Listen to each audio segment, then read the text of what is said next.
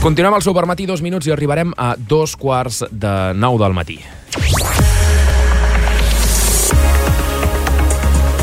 Escoltes, com sempre, a Ràdio Palafrugell, en Ràdio Capital i Ràdio Bisbal.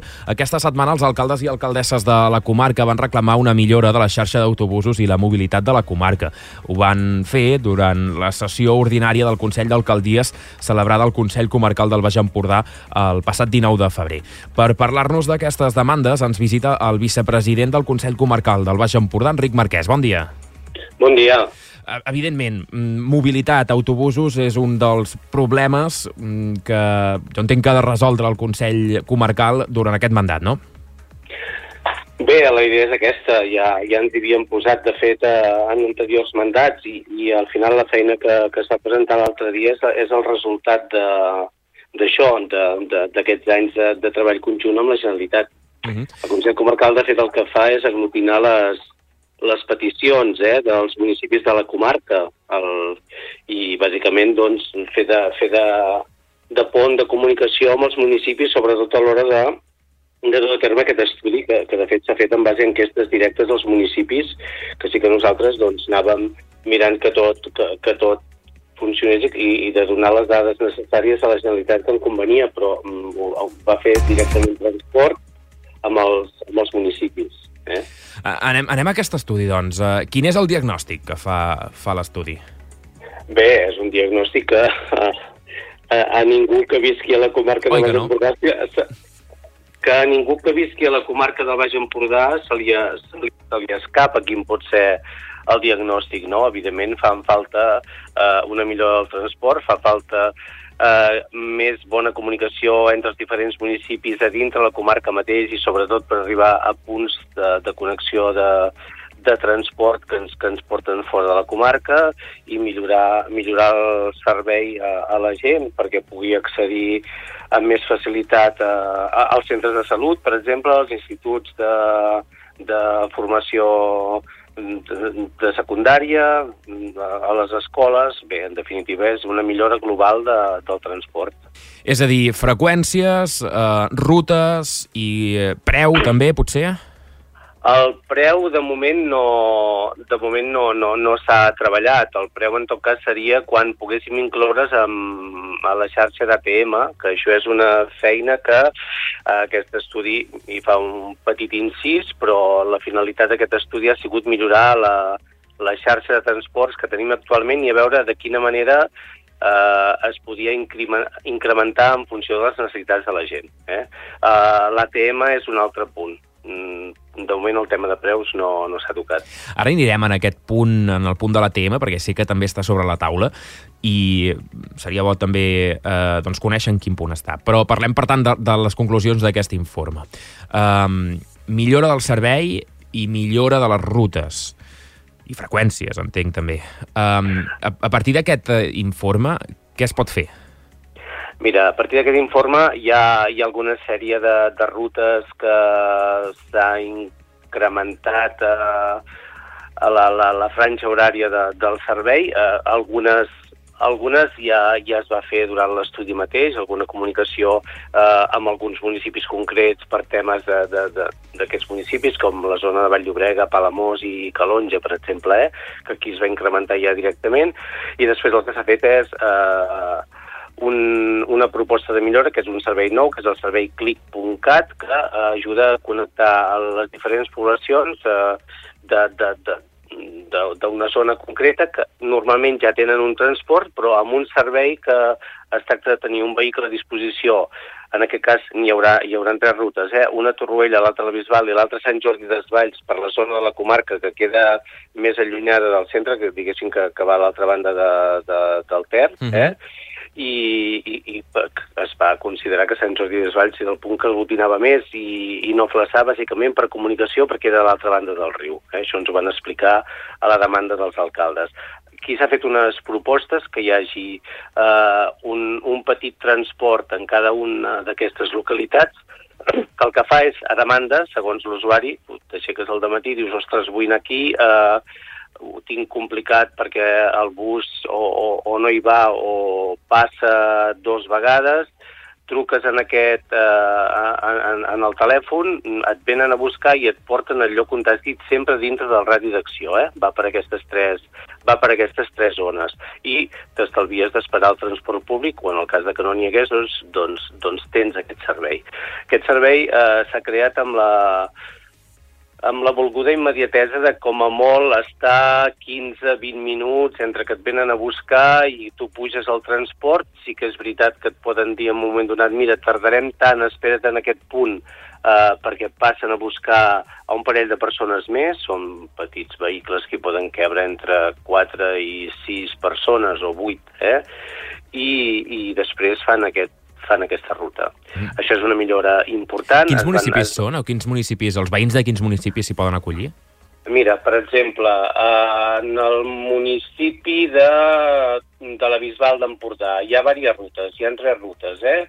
Uh, bueno, són dos, el, el municipi de la Bisbal d'Empordà doncs és l'àrea d'influència de la Bisbal, Cursà, Caçada pel Ras, Púbol, La Pera, Riuràs, Fuixà, La Sala, Parlavà, Casavells, eh? i torna a la Bisbal en un cas d'una ruta, una altra fa Cruïlla, Sant Sadurní, la zona de Sant Jordi dels Valls, perquè tingueu una idea, és Vilopriu, Vall de Vià, les Olives, Garrigoles, Jafra, Verges, Colomers, Gauses, val? Uh, -huh. Això m'ho estic mirant ara, eh? perquè com pots entendre no me'n recordo si no m'ho miro, mm, però en definitiva mm, es tracta d'explicar-ho. De, de, per què es va en el Consell d'Alcaldes? Evidentment perquè tots els ajuntaments han col·laborat en, tots, la majoria, un 80 dels ajuntaments ha contestat l'enquesta que es va fer des de la Generalitat i es volia exposar perquè s'està acabant de tancar i a demanda de diferents alcaldes d'alguns dels municipis de la comarca, doncs eh, es va veure que s'havia d'incloure el seu municipi amb alguna d'aquestes rutes que en algun cas, com que ja hi havia una línia de transport regular que hi passava, doncs es havia considerat que potser no calia. Bé, es va quedar clar que sí que es revisava i en principi totes les eh, peticions o observacions que es varen fer al Consell d'Alcaldies es tindran en compte. Uh -huh. um, parlem de, de les freqüències, allò el, el que és més típic, eh? la, la freqüència, els horaris per anar a Flaçà que no coincideixen amb els trens o la dificultat eh, bé, que no hi ha prou, prou freqüències o les rutes. Eh, el Consell Comarcal, o els alcaldes en aquest cas, tenen capacitat per poder modificar això? Està en mans de la Generalitat no, o està en mans no, no. de, de Sarfa? A veure, eh, al final es, Sarfa és una línia que opera a la comarca, com, com les diferents línies que operen a tot Catalunya, i al final va per una concessió. Per tant, més que estar en mans de Sarfa, en aquests moments sí que estaria en mans de Sarfa i la Generalitat i s'haurien d'entendre, però és que no només és Sarfa, en aquest cas també és, en el cas de Flaçà, eh, també és Renfe, per exemple, val? perquè clar, mm, ho hem vist tota la vida, eh? jo ja tinc una edat, i veure eh, quan arribaves amb tren a Flaçà que perderies el, la Sarfa, vaja, la majoria de les vegades estava cantat, o al revés, eh?